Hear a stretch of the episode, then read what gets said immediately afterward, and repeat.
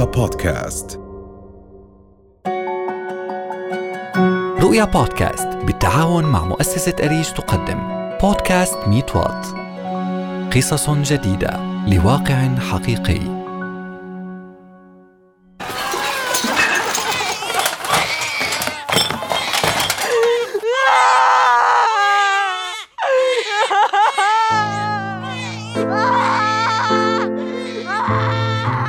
بعد أن شهدت جرش جريمة بشعة بفقء زوج عين زوجته أمام أطفالها.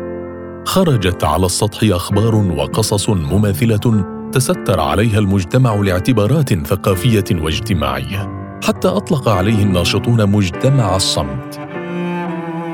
تشير تلك القصص إلى تفشي ظاهرة العنف الممارس ضد النساء والتي تؤكدها الإحصاءات الرسمية للجرائم. وسط تساؤلات عن كيفية نمو هذا التوحش في مجتمعنا الذي ظل إلى عهد قريب مسالما يصون المرأة ويحفظها ويعمل على حمايتها.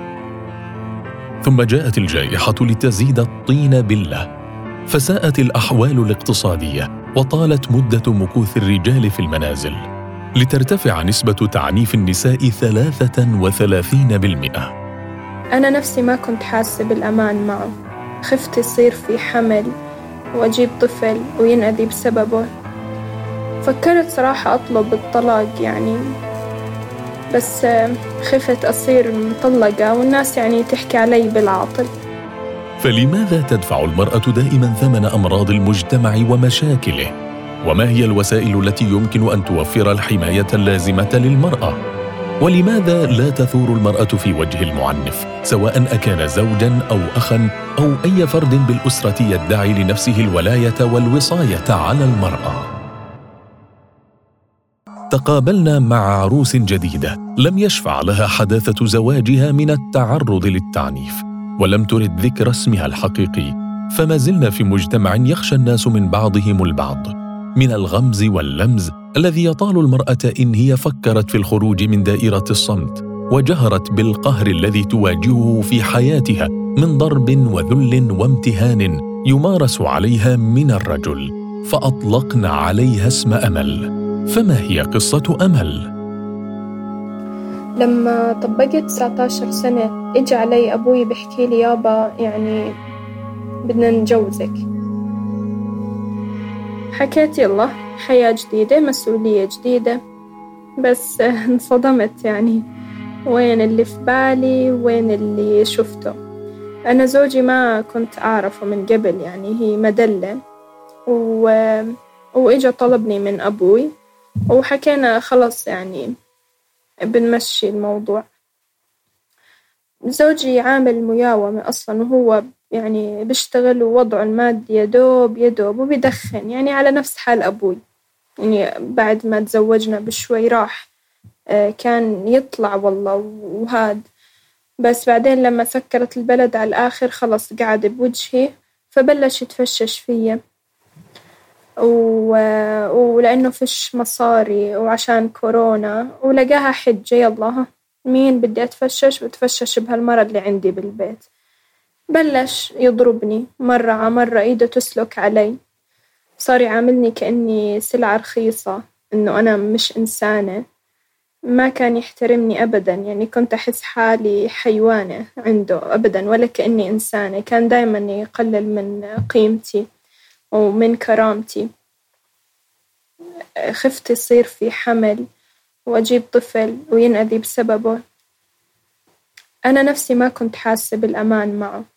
كيف كنت راح أأمن على ابني إنه نعيش كلنا تحت سقف واحد وهو إنسان ما كان سوي. يعني بدي طلاق بس بنفس الوقت يعني بدي أحكي شو حيحكوا عني المجتمع. والوحدة ما إلها إلا أهلها. رحت على أبوي وحكت له يابا هيك هيك بصير معي زوجي بضربني بسب علي. يابا بدي تلاقي لي حل. يعني ما بزبط معي أنا هيك. تعرفي شو كان جوابه؟ بحكي لي بدك تفضحينا. ضلك ببيت زوجك لأنه ما عندنا نسوان تطلع من بيتها.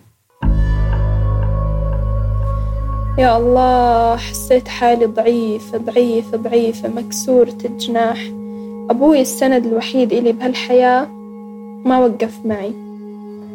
طبعا أنا من قبل يعني كنت بعرف بدار حماية الأسرة. وفكرت فيها يعني مش ما فكرت.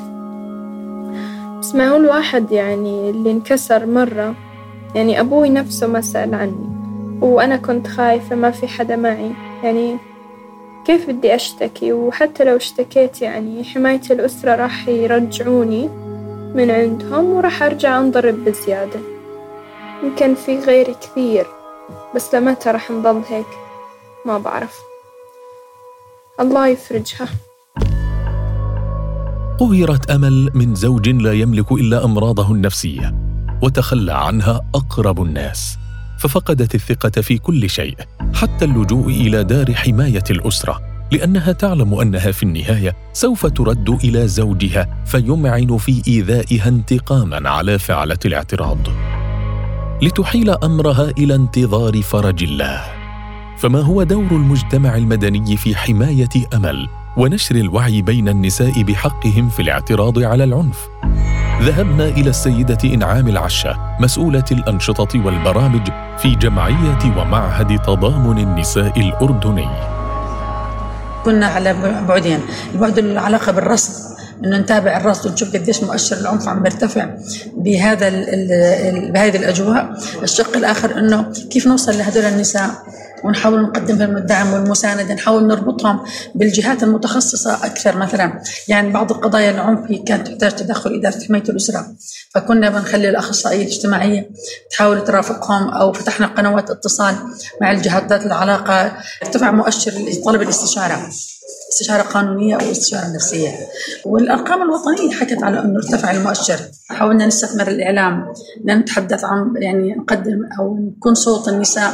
اللي ما بيقدر يوصل لهي الفضاءات حاولت جمعيات المجتمع المدني الوقوف بجوار الضحايا في ظل ارتفاع مؤشر العنف ضد النساء بحسب السيدة إنعام العشة فلماذا ارتفع مؤشر العنف ضد النساء في الفترة الأخيرة؟ وجهنا سؤالنا للدكتورة سلمى النمس الأمين العام للجنة الوطنية لشؤون المرأة جائحة كورونا والحظر اللي كان مرتبط فيها وأيضا تبعات الكورونا من آثار اقتصادية وتداعيات على المجتمعات و... و... ومرحلة التعافي أيضا. كلها كان متوقع بأنها يزداد العنف الأسري والعنف ضد المرأة والجرائم بشكل عام لأنه عادة في الأزمات شو ما كانت الأزمات نجد بأن الأزمات لها أثر مضاعف على ازدياد العنف في المجتمعات. وطبعا في عادة الفئات الأكثر هشاشة هي التي يقع عليها هذا العنف بشكل مضاعف. فنجد بأنه النساء ذوي الإعاقة الأطفال هم الأكثر معرضين والمعرضات لهذا العنف في ظل هذه الأزمات. في ظل الأزمات يزداد العنف في المجتمعات. هكذا ترى المشهد السيدة سلمى النمس. فكيف يرى المجتمع تفشي ظاهرة العنف ضد النساء؟ نزلنا إلى الشارع لنعرف آراء الناس حول هذه الظاهرة وكيفية التعامل معها. في عنا حالة من الخوف وحالة من الفزع وعدم الاستقرار الداخلي بسبب تزايد حالات العنف والتعنيف الممارس ضد السيدات خصوصا في ظل جائحة كورونا. فاليوم عم بنشوف إنه السلطة الذكورية عم تستبد هؤلاء السيدات عم تنتهك حقوقهم وعم تسلب أرواحهم. يجب النظر بإعادة تطوير وسائل حماية المرأة خاصة عن طريق حماية الأسرة يعني لحتى تكون أقوى ولحتى تعرف إنه دائما آه، تقدر تكسر حاجز الرهبة والخوف في حال تعرضت إلى بدايات عنف. ما في داعي ابدا إنه يكون آه، في إسقاط للحق الشخصي بالعكس لأنه أي إنسان بيعتدي على أنثى هو إنسان ضعيف داخليا. إنسان بيستقوي على الجنس الضعيف. على المرأة أن تتمسك بكل حقوقها في التقاضي وعلى الدولة تقديم المزيد لحمايتها هكذا كان رأي الناس لكن الواقع يؤكد أن المشكلة الحقيقية تكمن في طبيعة المجتمع الأردني الذي ما زال يتعامل وفق عادات وتقاليد تمنح الرجل سلطة التحكم في حياة المرأة وتمنعها من الخروج من دائرة الصمت رؤيا بودكاست.